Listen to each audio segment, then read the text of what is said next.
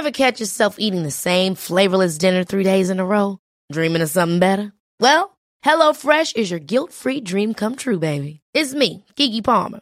Let's wake up those taste buds with hot, juicy pecan-crusted chicken or garlic butter shrimp scampi. Mm. Hello Fresh. Stop dreaming of all the delicious possibilities and dig in at HelloFresh.com. Let's get this dinner party started.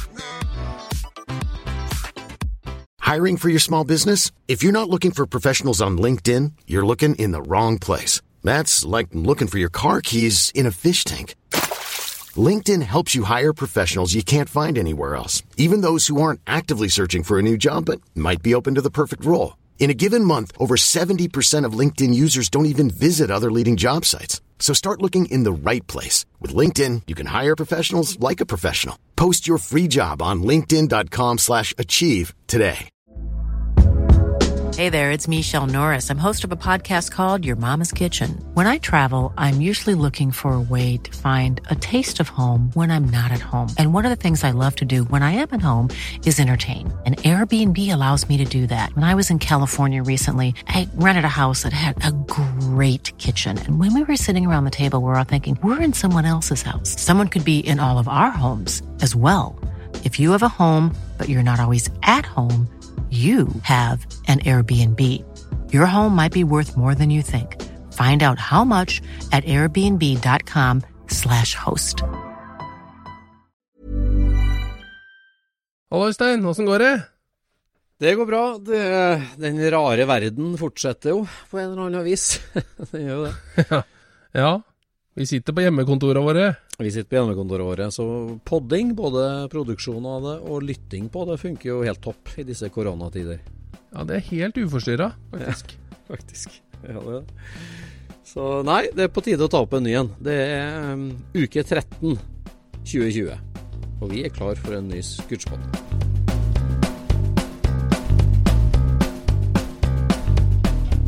Du lytter nå til Scootspodden, en norsk podkast om klassisk bil med Jon Roar og Øystein.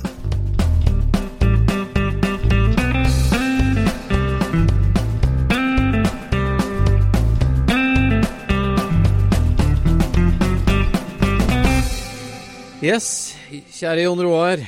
Hvordan står det til i Sandefjord?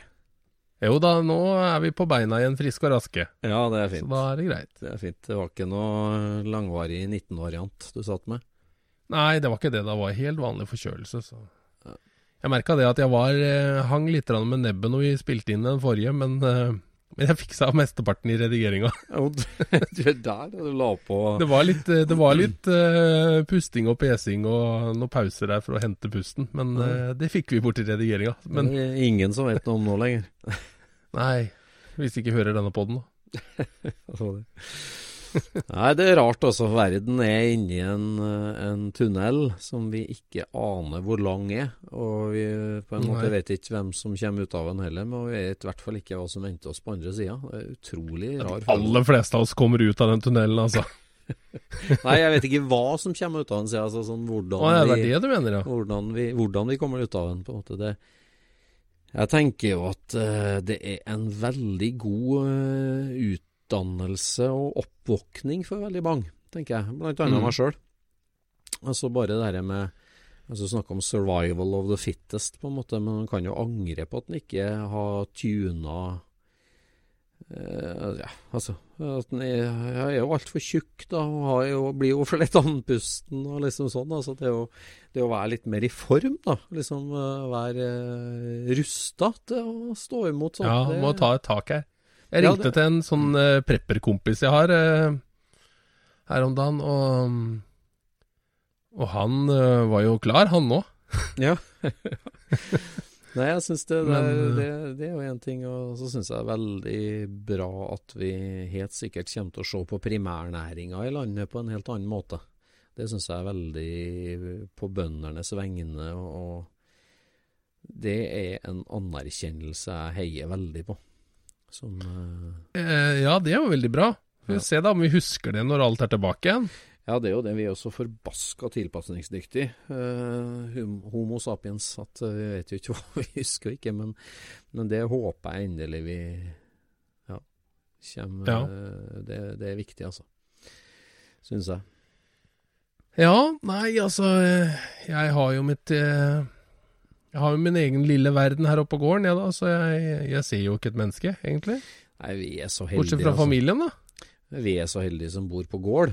Uh, som, altså, jeg har jo mitt lille univers her. Uh, vi har svære lekeareal, vi kan sykle på egen tomt. Vi kan eh, altså, Mm. bygge Eller ho- holde på i hagen. Holde på, så alle ungene her har jo friminutt på dagtid, kan du si. her nå. Vi er ute på egen gård og ser ikke en sjel, så det er jo helt konge. Nei, så, så, så når, eh, når det er en stor sak at folk prøver å komme seg på hytta, Mm. så, så er det lett å tenke at det er en At det er en rar tanke og alt det der, men så, hvis du prøver å liksom sette deg inn i hvordan det er å bo trangt oppå hverandre, ja. og hytta er liksom det fristedet du har, Mm.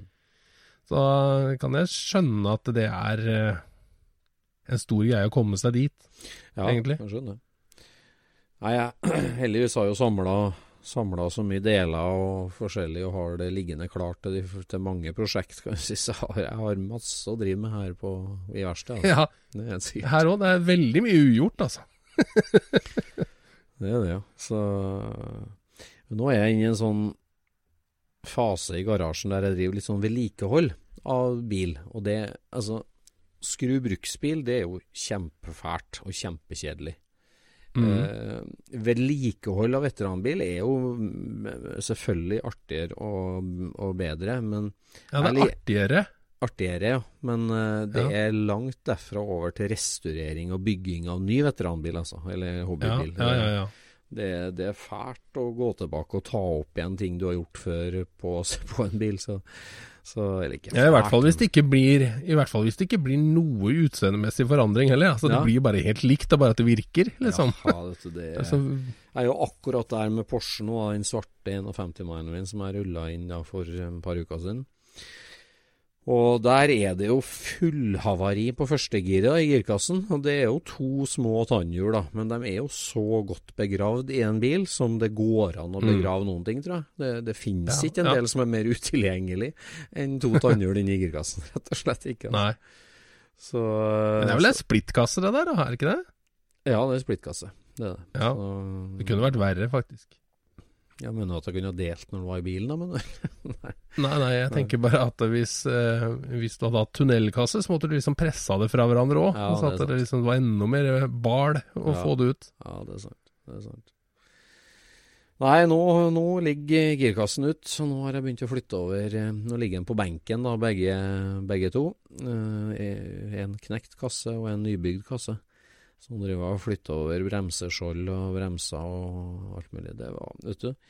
Eh, altså, jeg husker godt da når han, eh, vår gode venn Vegard Langseth lakkerte eh, den baboonen sin. Mm. Og vi, vi fikk se fleiklakk, ekte fleiklakk, for første gang. Ja. Eh, hvordan den blandinga der med de der metallpartiklene var. Akkurat Ja. sånn så oljen ut som jeg tappa av den oljen, den girkassen. Den, den glinsa, den oljen. Den var ikke svart, den var ikke svart heller, det var liksom ordentlig oljefarge på den, men det var så mye metallspon i den, altså, for den bilen Den gikk jo Ja, den har vel gått sikkert eh, Hvor langt er det, da? Vi kjørte jo det, jo Det må jo være 100 mil, er det ikke det? Ja, det må Nei, det kanskje være ikke fullt. Ja, nærheten. Jo, det må, Må være være. 100 mil, ja. Fra Kamberg Ja. via Det var jo den enorme uturen, om, bomturen, omturen med Pizzahut i Osnabrück, og et sånt, husker? Det Ja, det var ikke noe særlig omtur da, egentlig. Jo. Men, Det var en lang omtur. Nei, vi satt og dura oppover fra Frankfurt opp til Kiel med knust førstegir og åh, ja. funka det òg, funka det òg. Men vi visst tydeligvis og produserte spon. Ja, det gjorde vi altså. Det, den er sølvfarga, den oljen, rett og slett. Så, Ja, heftige greier. så det har det gått gjennom. Men vi kom oss hjem. Vi kom oss hjem. Vi gjorde det, så nei, det passer fint å, å drive litt sånn nå i koronatider. Ja. Jeg merker jo veldig godt hvor, eh, hvor eh, terapi det er, det der, å komme i garasjen, altså verkstedet, og være veldig konsentrert om en ting. Om en, om, For det har vært veldig mye grubling i hvordan få egentlig den demontert. Altså det å få ut motoren i den bilen, det er så utrolig trangt baki der. Og den har jo kompressor og alt mulig. Jeg vil ikke begynne å plukke ned motoren der den står. Så det å få den ut helt, det er ja, helt sinnrik eh, tauverk. Mm. ja, du fikk den ut uten å ta av kompressoren? Ja, jeg gjorde det. Jeg gjorde Ja. det. Men det var helt på håret, altså. Jeg måtte eh, Ja. eh, Det var veldig trangt. Så, men, men det der, er der å være, å, det der å være liksom veldig konsentrert om en ting Jeg lå, jo på kvelden før og grubla for han, han satt Han kilte seg nærmest fast for meg underveis der, da. Så jeg måtte bygge meg opp en dobbel Altså, jeg har en krok i taket, og jeg har løftebord, men så måtte jeg på en måte løfte litt annerledes. Så jeg måtte lage meg en bom over bilen for å vinsje motoren litt på skrå for å få den ned. Eh, Så det der lå jeg og tenkte på på kvelden og gruble. Hvordan skal jeg gjøre det, hvordan skal jeg få det til å sette i verk. Alt dette for å slippe å skru løs den kompressoren? Ja, alt. ja, og for å slippe å tenke på koronavirus. Ja, ja, ja. ja, Ikke derfor, ja. men det, det, det, Det er er fint veldig å ha noe å unnskylde på. ja, det er veldig terapi i eh, altså bilhobbyen, syns jeg, på der. Altså, det, det blir en flukt fra både ja, det ene og andre. Det sånn, Ja, det er bra å ha noe å konsentrere seg om. Ja, det, er det. Det, er det, og det, det å ha det er veldig bra i disse tider. Jeg tenker jo at uh, samfunnet vil lære oss i hvert fall å drive veldig rasjonelt på en del ting. Ja. Mm. Drive, Jeg har sittet hjemme eh, og jobba i hele dag, og da, og da passer det bra å gjøre sånne store sånne konsentrasjonsjobber. Ja, Her er det jo ingen som forstyrrer meg, liksom, så her er det bare å knege på når det er liksom sånn lange tankerekker som du må ja, ja. og holde tunga rett i munnen og alt det der. Så det er ja. optimalt å sitte aleine da, altså. ja det er det. Det er sant. Det er sant. Det Nei, merker jeg når jeg, når jeg skrur òg, at da når, når det begynner å bli eh, vanskelig, da, da skrur jeg av på den. Da skrur jeg av det jeg har på øra. ja, det gjør det. Da må Det det være stille, og Ja, så, det gjør det altså. Og så er det liksom tre-fire minutter, og så, så kan jeg sette på igjen, for da, da er det kritiske over. Ja, jeg, må, jeg må slå av musikk òg, jeg. Altså, jeg, jeg, jeg hører litt på Ja, jeg har aldri på noe musikk. Jeg hører på, jeg hører på en del musikk, ja. Det, det var han eldste sønnen min. Vi deler jo Vi deler jo Spotify-konto. Og han eh, bare kom til Ok. Pappa, pappa, pappa, du må aldri si til noen hva du hører på av musikk. Altså, det er så dritflaut. Herregud, det er så fæl musikk du hører på. Du må aldri si til noen. Så det tør ikke jeg å si. Men det kan jo være, det kan jo være utfordring til podlyttere. Hva hører du på i garasjen? Hva slags musikk hører du på i garasjen? Ja, Eller er det radio, eller pod, eller hva, hva hører du? Det er herved en utfordring. Send oss eh, det du driver med. Hva har du på ørene, eller på høyttalerne, i, i garasjen når du driver og skrur? Det lurer jeg ja det er artig. Det vil jeg gjerne se. For du hører aldri musikk, du hører bare pod. Nei, en gang iblant så hører jeg musikk, men det er så sjelden at du kan nesten si at det er aldri. Men, eh, men av og til, liksom, når det er noe som uh, Nei, jeg, jeg syns alltid det er gøy å lære et eller annet, eller høre, en, høre noe. Men ikke sant, du går jo tom for interessante podder også, så da, da blir- det litt uh, musikk. Jeg blir altfor forstyrra av å høre på pod. Det å skulle konsentrere meg om å høre på noe, det er greit. Så, så mann er jeg at jeg har ikke simultankapasitet til det. Så Nei, men jeg hører jo ikke, jeg hører ikke veldig etter, jeg heller, bortsett fra hvis det er et tema som er som ligger meg nær eh, til hjertet, da. Da Mm. hører jeg jo litt mer etter, og så går det litt saktere på det jeg holder på med. Men det gjør ikke noe, det er hobby. Det er, Ja, det jeg har ikke noe tidspress på å få det ferdig, egentlig. Så det er jo mest for å liksom ha det trivelig mens en holder på, da. Ja. Det, er- det syns jeg er viktig. Det er viktig. Jeg orker ikke fekte og, og slåss for det, liksom. Det, det må være ok. Ja, det er sant. sant. Ja da. Nei, vi får uh, ta oss videre. Nok, uh, nok uh, koronaprat. Mm. Vi kjører videre.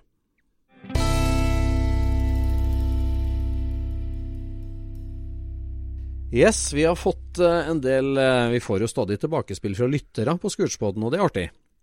Ja, det er veldig gøy. Og etter forrige episode nå så fikk vi et spørsmål eh, fra en vi kjenner fra før, som lurte på hvorfor i all verden du dro opp det derre liket av en 49-mæl fra den jordeskråningen på, hjemme på gården din. Ja, altså han, han lurte jo på hvorfor jeg brukte så mange år på å ta den opp. Altså, Ja. Hvorfor, hvorfor bestemte jeg meg plutselig for å gjøre det? ja. Lurte han på. Ja, jeg skjønner heller ikke. Det er jo 49 mil boble, ligger 150 meter fra barndomshjemmet. Hvorfor i verden dro du den ikke opp med sykkelen, nærmest, lurer jeg på, når du var snørrunge? Ja, men eh, altså, vi har jo sett deg mange ganger på bilder med spa før, Øystein, så det er ikke så vanlig at man graver opp sitt neste prosjekt. Det er, Helt, det er for spesielt interesserte. Helt normalt, sier jeg. Nei. Ja, altså, men, eh, men eh, for å spare vår kompis der, da, så, så handler jo dette her om at etter hvert så begynte jeg å skjønne at, eh, at jeg kanskje klarte å re reparere karosseriet på den bilen. Ja.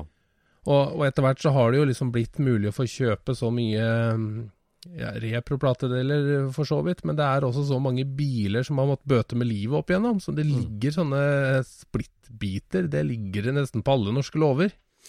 Ja, I hvert fall når du, blant de vi kjenner, da. ja. ja, for du har greid å samle inn en god del eh, avskjær, får vi si det på slakterspråket, på, Ja. fra, fra andre prosjekt rundt omkring. Ja, så, det, så dette her sånn det, det er vel ikke noe karosseribit som faktisk mangler på den bilen nå. Nei. Det, det, det er komplett, det karosseriet nå. Men også hadde det ikke vært lettere å bare skaffe seg et greit splittkarosseri, da, satt opp på den bunnplata? Jo, men dette her, det er jo her liksom utfordringa også kommer inn, fordi at eh, sånn som vi har snakka om før, da, dette her med patina og liksom Hvor ligger sjelen til bilen og alt det der sånn. Det der eh, Det pirrer jo meg til å, å tenke Er ikke dette her egentlig bare et, eh, et spill for galleriet, liksom? Alt denne, den identitetssaken. Det blir litt sånn George Washingtons axe, ikke sant? Ja, ja. Altså at, eh, at alle er enige om at det der er jo bilen i bekken. Ja. Ikke sant? ja. Så jo mer vi prater om bilen i bekken, jo mer fins den, på en måte. Ikke sant? Så, så dens eksistens handler mer om, om hvem som Altså hvor mye vi snakker om den, og hvor mye vi kjenner til den, og historien rundt den, enn fysisk stål, altså. Mm, Nei, altså den vil jo Den vil jo Det vil jo være helt avgjørende at jeg får den sammen, kan du si. Men, men eh, eh, det er litt sånn at eh, de aller fleste eh, som jeg kjenner nå, er jo nysgjerrig på åssen det går med den. Og Ja. liksom og hvordan planene er framover, åssen den blir og alt mulig sånt noe.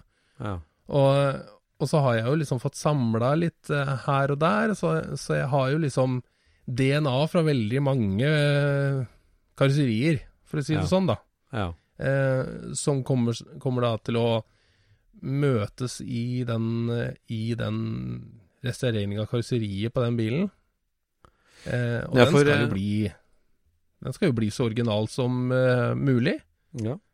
Og du bruker Eh, selvfølgelig så mye du kan fra det originale karosseriet og alt det der. Ja, der skal jeg bruke eh, alt, for å si det sånn, da. Ja. ja, for hypotesen Så- er jo da at hadde du bare båret inn et, et uh, greit rusta splittkarosseri fra en annen bil, så hadde det blitt så mye DNA fra en annen bil at det har nesten At da folk hadde kalt den for Ja, det der er jo gamle bilen til eh, Carl, ikke sant? Det er jo karosseriet fra Carl, det der. Det er jo, Ja. var jo egentlig Da, da er det bare tull, ikke sant? Det er jo derfor at, eh, at båndplata og karosseriet nå sitter fast i den jiggen inni låven. Mm. Og det skal aldri ut igjen. Jeg skal ikke bære inn eh, en større del enn det. Nei. Jeg skal bære inn småbiter og, og restaurere bilen som står i jiggen. Så teorien er at eh, Det hvis garanterer bit- da at eh, bilen At bilen er den bilen i bekken, for å si det sånn. Ja, topp. Og teorien da at hvis du bærer inn nok småbiter, så blir det DNA-et liksom tynna ut uh, nok til at det ikke overskygger hoved-DNA-et på bilen. Ja, det er, det er teorien. Så dette her er mest et tankeeksperiment, og dernest eh, et uh, alvorlig kraftig restaureringsprosjekt. Men for å fortelle den historien i, til evig tid, da, det må jo Du kan jo aldri lakkere den, og du kan jo aldri skjule sveisene. det må, må det vises sånn? Eller, for hvis, hvis den blir hellakkert og sveisene blir slipt ut og sånn, så, så kan jo historien være hva som helst. Det blir jo som 46-modellen din, det da. Den, den må jo lakkes utapå. Ja, ja. Men jeg har jo nå Jeg har jo nå um, eh, Hadde et lite gjennombrudd i, i 49 da. Å ja. Jaha.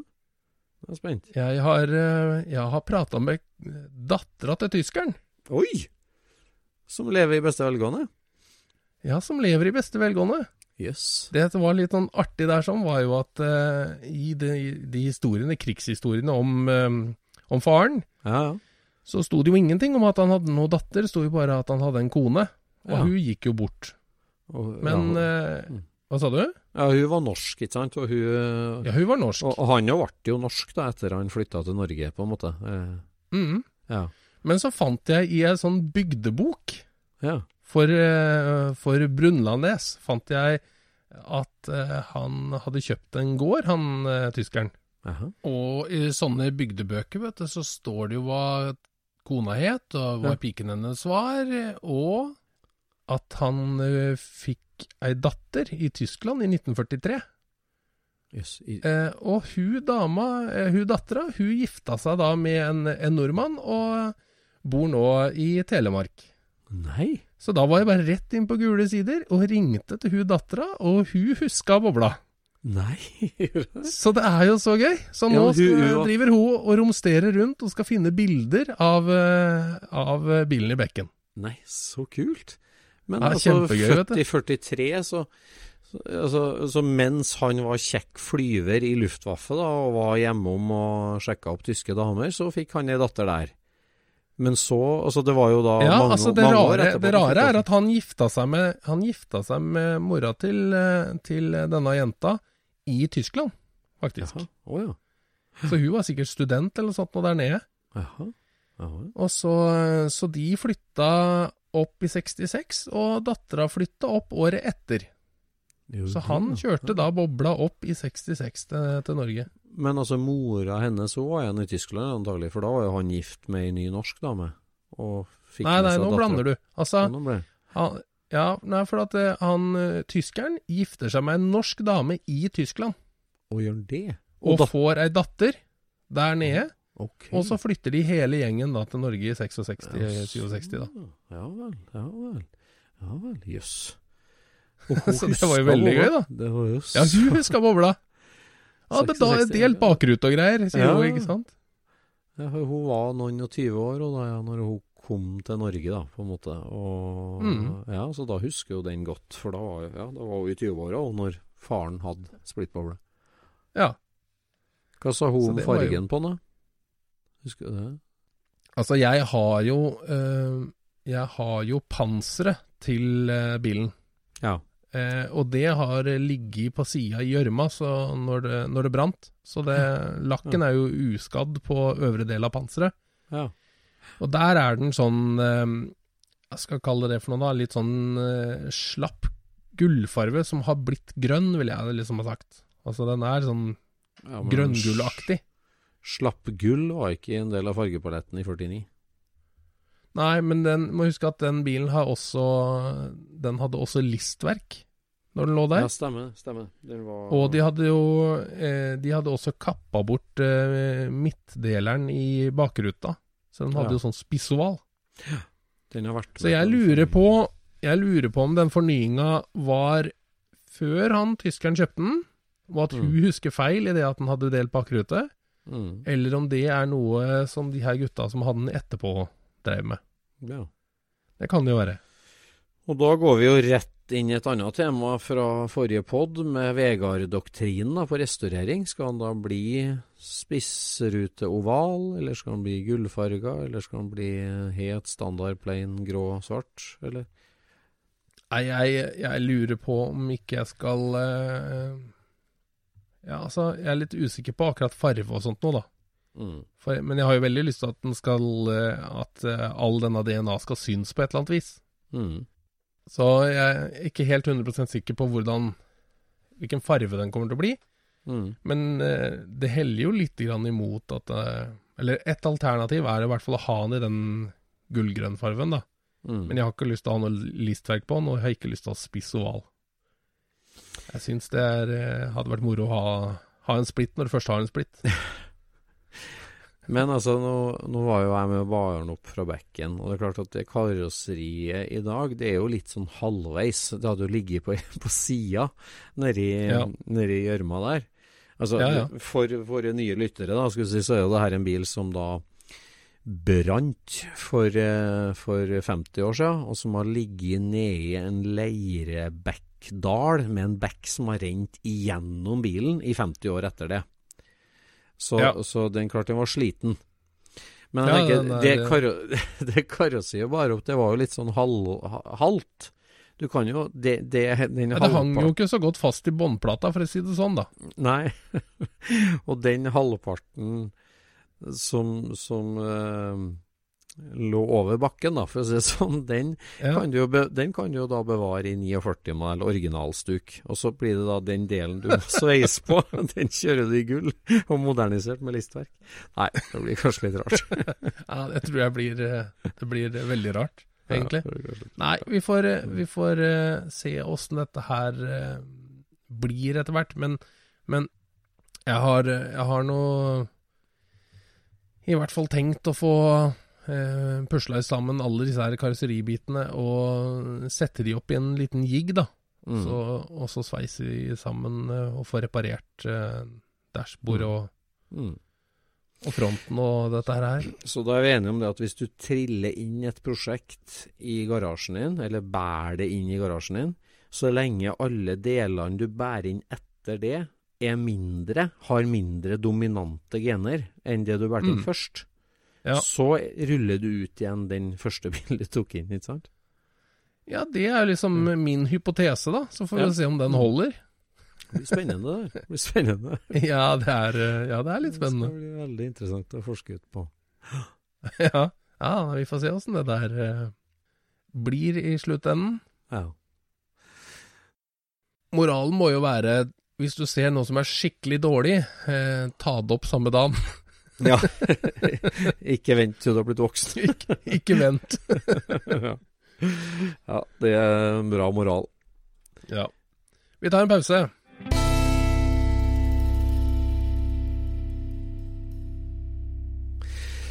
Yes. eh, apropos opp, utgraving, oppgraving, ja. Det, mm, du sa du har sett meg med spade før, og det, jeg har jo vært ute med både spade og gravemaskin. Og eh, den ekspedisjonen ned hos deg, det var jo det, Der var jo det meste oppå jorda. Men eh, jeg har jo Mm. gravd opp eh, Jeg har jo gravd opp en veldig tidlig kybelvagen. Eh, da trodde han gravemaskinen, da, føreren, som jeg leide inn, at det hadde tørna fullstendig for meg. Så det, det må jeg si. Uh, fordi at en av eh, dem jeg først ble kjent med, får jeg si, i, eller først ble kjent med det, altså en, en tidlig ja, inspirasjonskjelde og mentor for meg da, i bilhobbyen, det er en som heter Stein Tranvik i Trondheim, min gode venn. Han har jo da ei nydelig boble, en eh, tidlig, tidlig 53-modell, som han kjøpte av eh, mannen med verdens korteste navn. Han sto i Guinness rekordbok en periode, faktisk. Eh, Jaha. Vet du hva det navnet var? Jo å. Jo Å, det stemmer. Var det det? Jo Å, ja. Jo Å på Å. Jeg gjetta, altså. Nei, Jo. tuller du? Gjetta du? Ja. Nei, jeg gjetta det. Du var kanskje kjent det fra Guinness. Du var en sånn type som pugga Guinness eh, rekordbok du da du var liten? Ja, jeg sto jo i rekordboka for å være den som pugga mest Guinness. det er typisk det.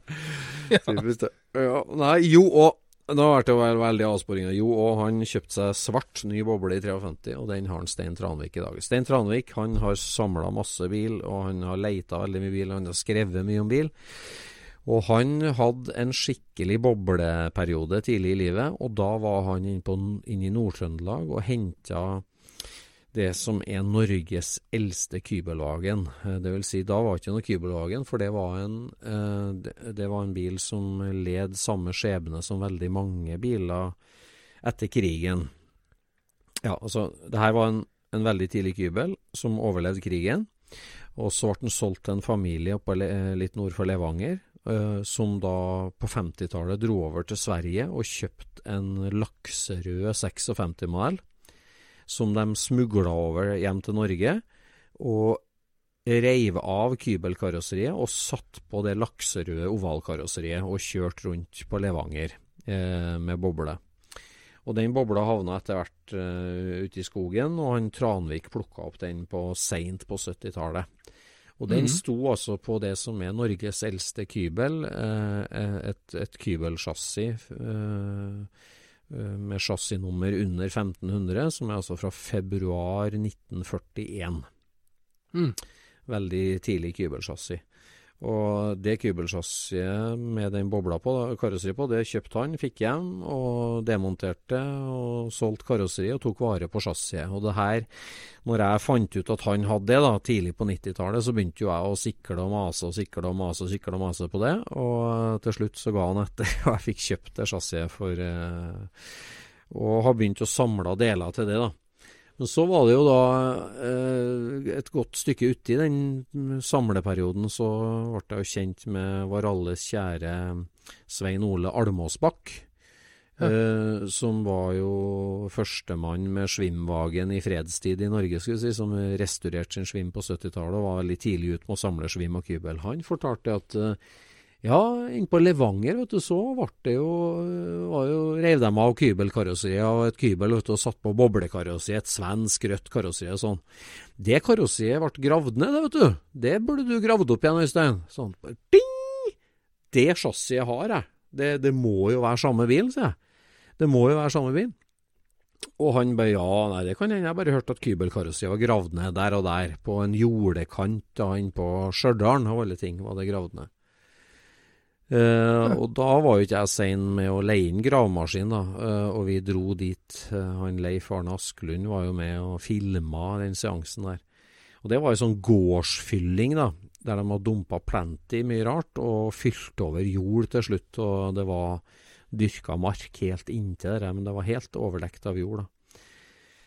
Og da hadde vi gravemaskin. Jeg har begynt å grave, og det var jo så mye søppel. vet du. Gamle mopeder og sykler og vaskemaskiner og flasker og alt som ikke hadde råtna. Men åssen vet du når du finner, eh, finner det karosseriet, da? Liksom? Det... Ja, det, var, det er et godt spørsmål, faktisk. For at uh, vi begynte å grave, og det var jo så rustent. Det var jo en bekk, nærmest underjordisk bekk, som rant gjennom der. og Skikkelig dårlig forhold, altså. med veldig mye medisinflasker, husker jeg vi fant.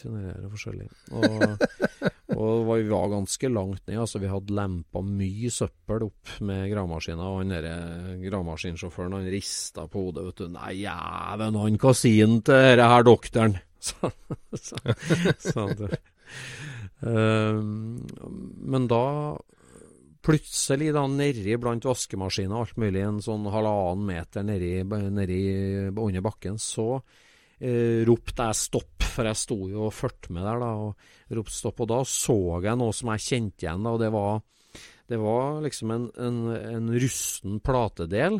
Og så så jeg altså det var, Du kan tenke deg et boblekarosseri som ligger opp ned, og så var den derre bøyde linja over Napoleonshatten foran. Ja. Ja. Altså den der herlig bøyde kanten med gummilister som ligger ned mot bunnplata rett foran pedalene dine. Den ja. svingen der så jeg på en rustbrun plate. Plutselig så så jeg den. Det der er en bobleting! Liksom.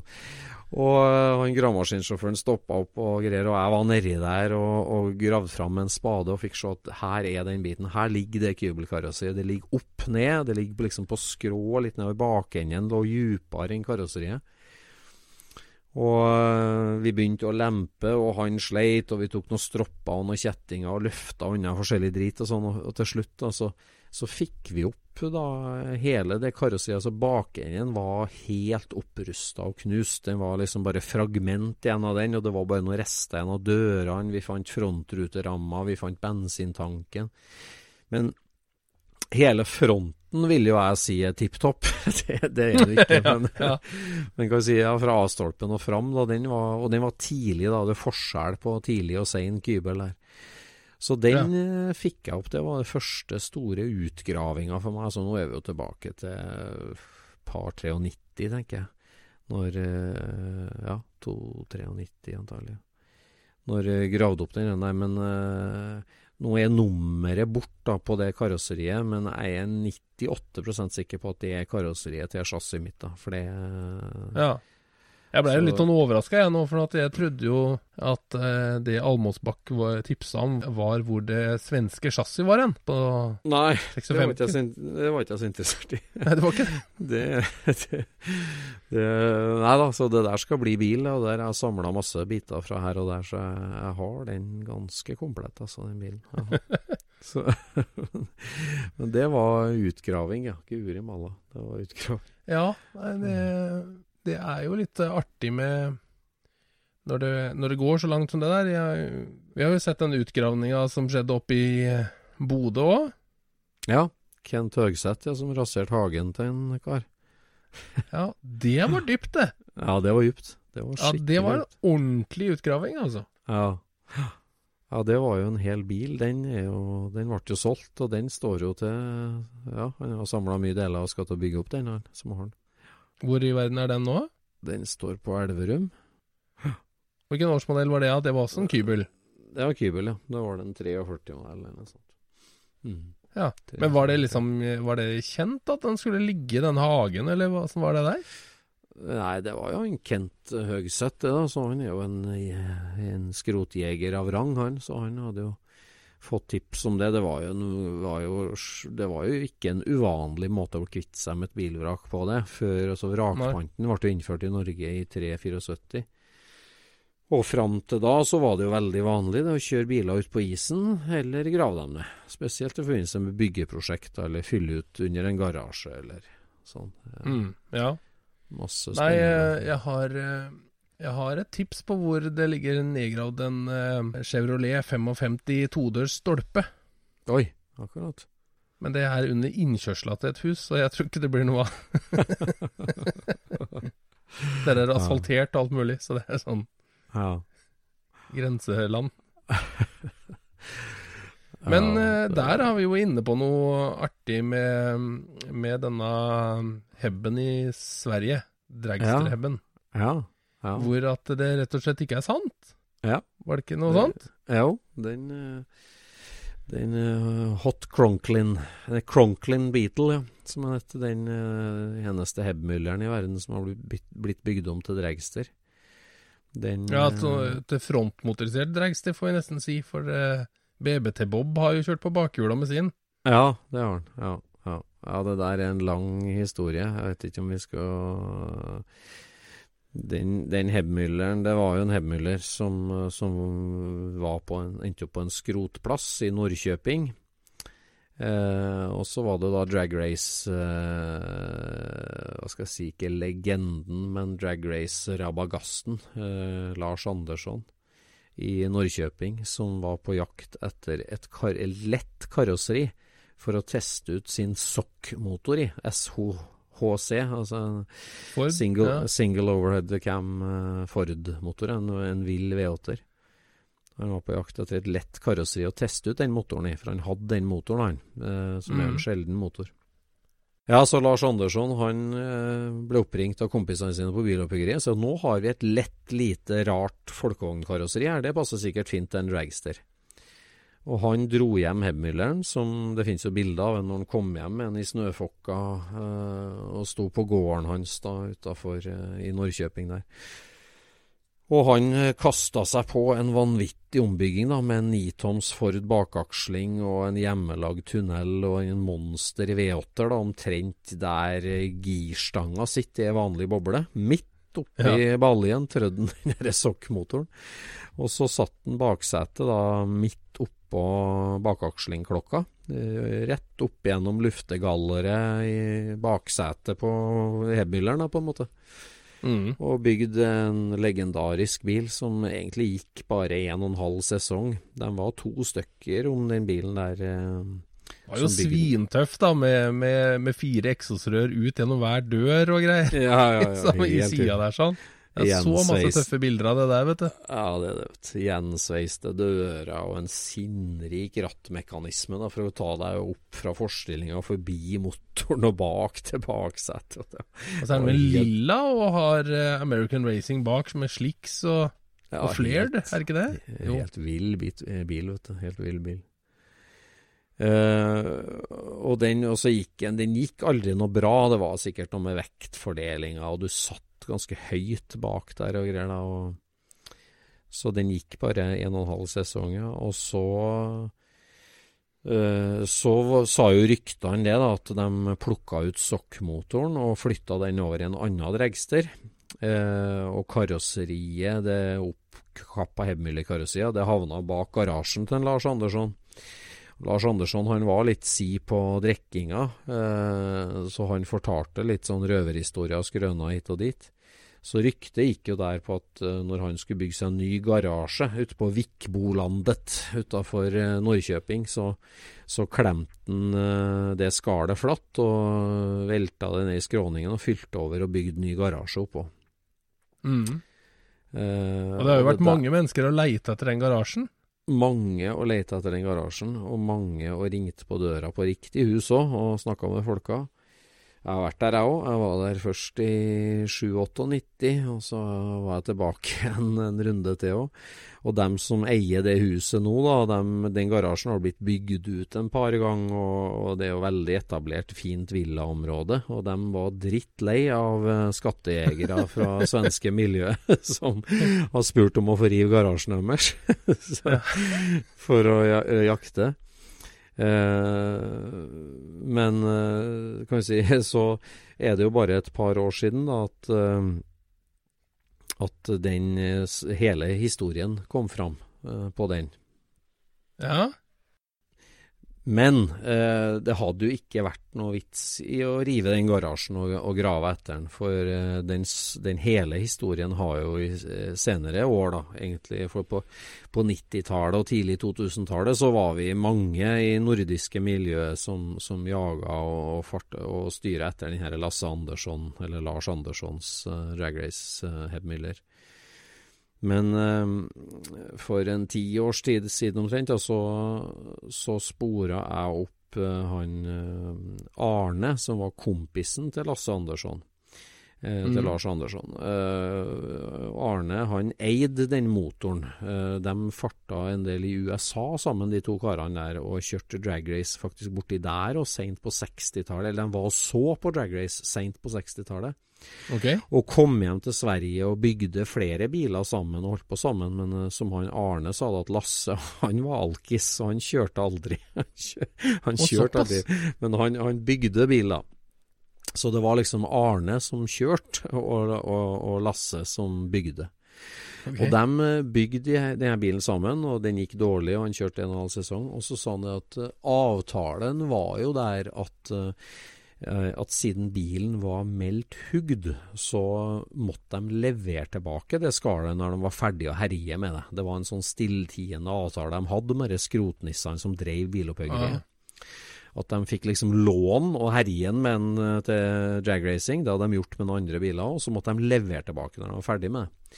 Så den bilen ble levert tilbake til skroten der eh, den etter de var ferdig med den. Eh, tok motoren, satt videre. Satt ikke skrotten bak garasjen, men leverte den til skroten.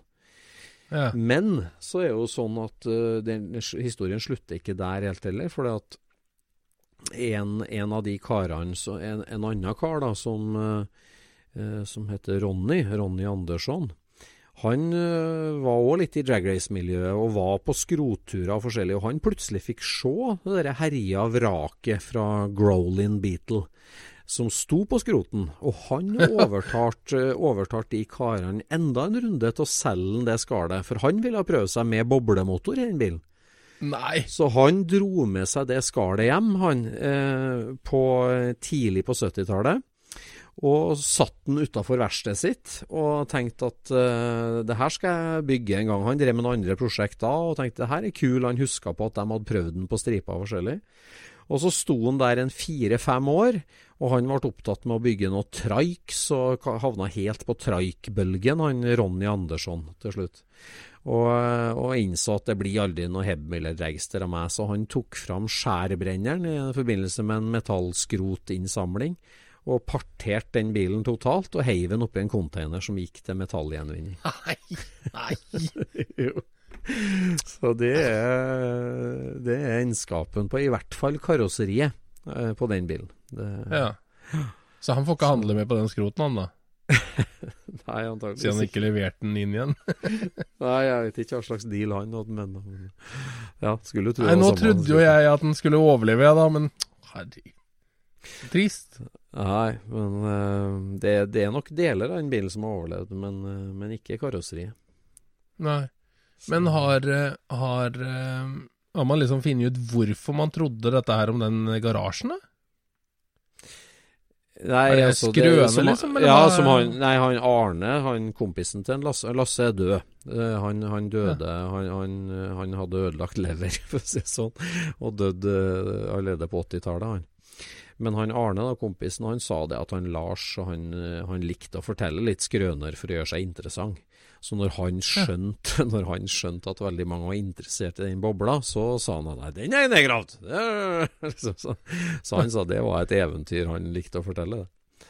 Så, Rett og slett bare ei skrøne, liksom. ja, ja.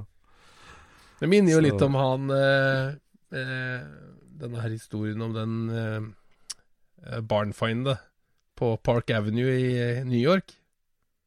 Ja, du mener parking garage-findet til Jay Leno, du? Ja, altså eh, Det var jo liksom en eh, Det skulle jo stå en sånn Dusenberg på et sånn parkeringshus i, eh, i New York. Ja. eh, som skulle stå på øverste etasje og noe greier. Og, og der hadde- de jo visstnok bygd om heisen, så det gikk jo ikke an å få den enorme bilen inn i heisen lenger. Så du kunne ikke det- få den ned.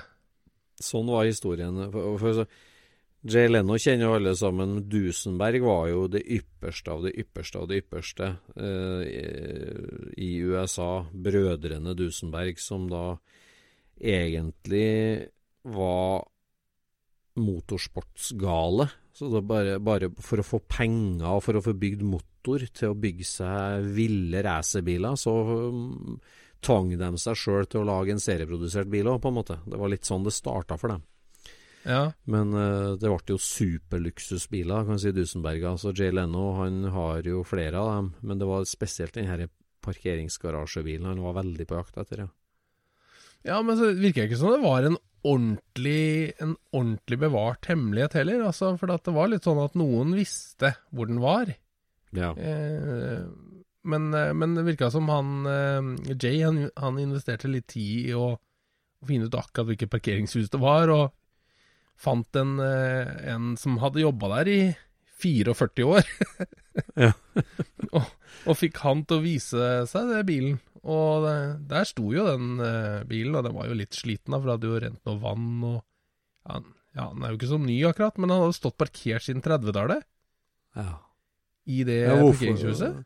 Hvorfor var han bare eh, forlatt der, liksom? Var det noen story på det, eller? Nei, de hadde Virker som de eh, bodde flere forskjellige steder. Det var jo en veldig rik familie som hadde den bilen der.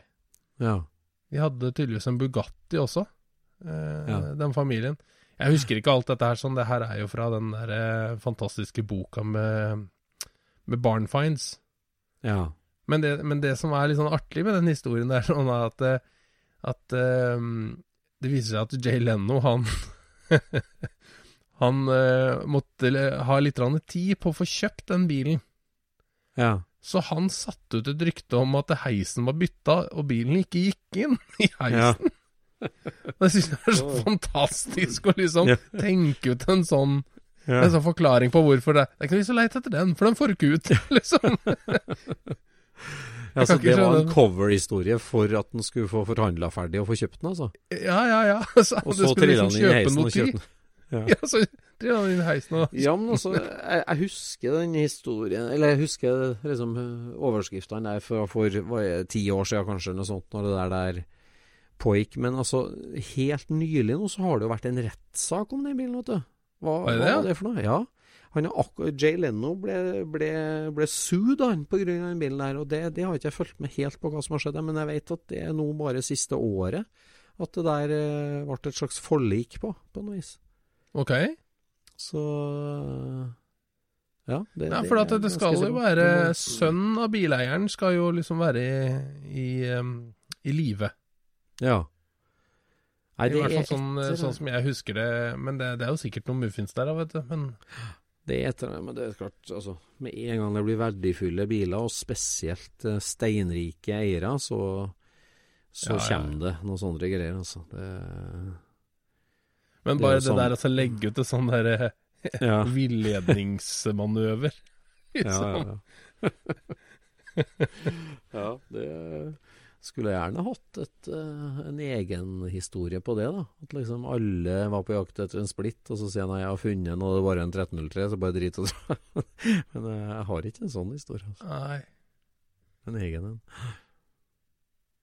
Nei, jeg har Nei. ikke noe sånn som jeg kan komme på, nei. Nei, det er deilig med, med bilhistoria. Da har vi vært gjennom i dag litt forskjellig Hva skal jeg si hva, Ja, Historia rundt eh, barnfinds. Det er jo det egentlig vi har vært innom nå. Eh, og rykter og børser. Det, et annet tema vi tenkte vi skulle ta opp i en kommende pod, det er jo det her med it-faktoren, eller x-faktoren, med en bil. Hva er det som Ja. gjør en bil til det den er? Ja, for det der er jo, det der er jo nesten Det slekter litt på det vi prata om med den der eh, George Washingtons axe. Altså, Mm. eh, jeg er jo Jeg tenker jo at en bil har jo en it-faktor. Eh, Liksom sånn når, når, eh, når kjennere ser en bil, og så ser de fy fader, den bilen, den var feit, liksom. Altså, det er, her er det mye som stemmer. Den her tiltaler oss, liksom Ja. så er det jo vi mennesker som, som tolker dette her sånn. Det er jo vi som, som gjør den koblinga til hva det er vi ser. ja. Det er liksom et eller annet bagasje vi har med oss som sier at det, ja, det skal være sånn, det skal være sånn, det skal være sånne klistremerker, det skal være sånne hjul.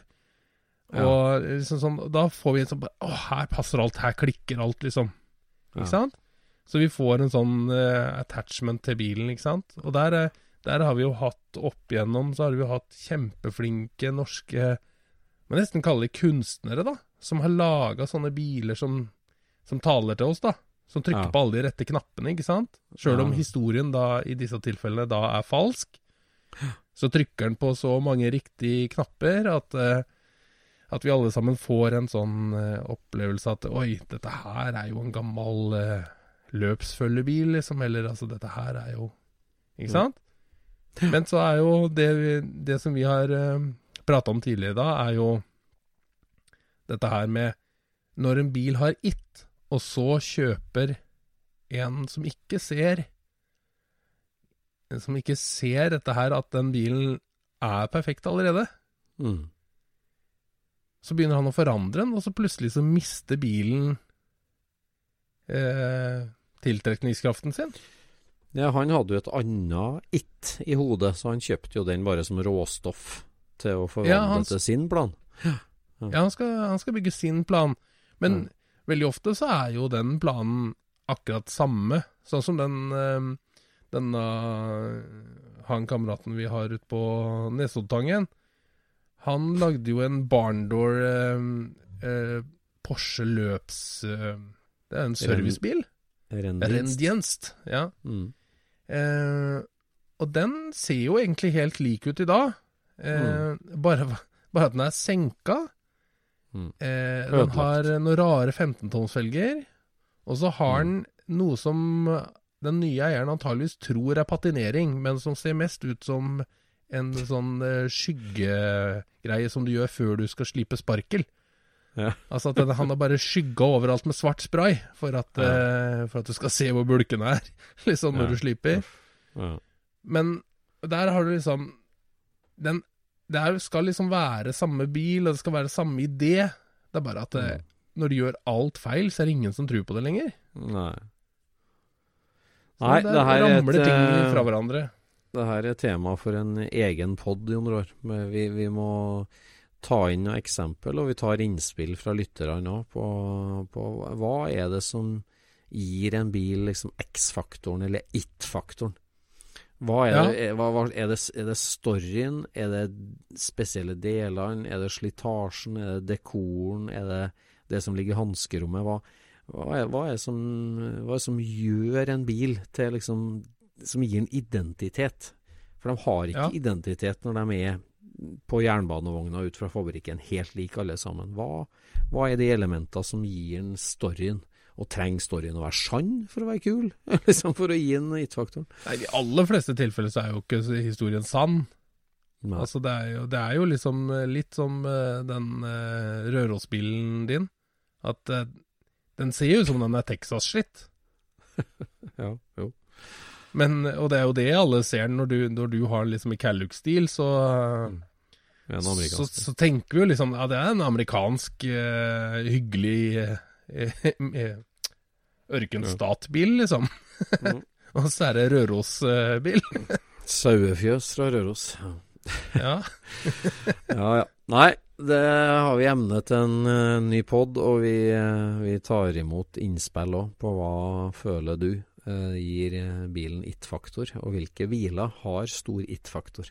Ja. Det hadde vært veldig fint å liksom fått en fasit på, på noe sånt, så man eh, Så man kunne liksom virkelig definere hvilke ting er kritisk på denne bilen, og hvilke er ikke. Ja. For frede enkelte deler av en bil. Nei, det er jo alltid bileieren som bestemmer, men Ja da, det er det, vet du. Nei, da skal jeg ut i garasjen og skru Porsche-bremsa. Skal jeg få den sammen. ja. Det må til. Vi sier god kveld. God kveld, ja. Scootspodden produseres av SSC Media, med god hjelp av VV Norge og Trond Dahl for hosting, Knut Micaelsen for musikk. Abonner på Scootspod via podcaster eller Acast, og følg Scootspod på Instagram og se det vi snakker om. Der kan du også komme med kommentarer og innspill, og fortelle oss hva du vil høre om.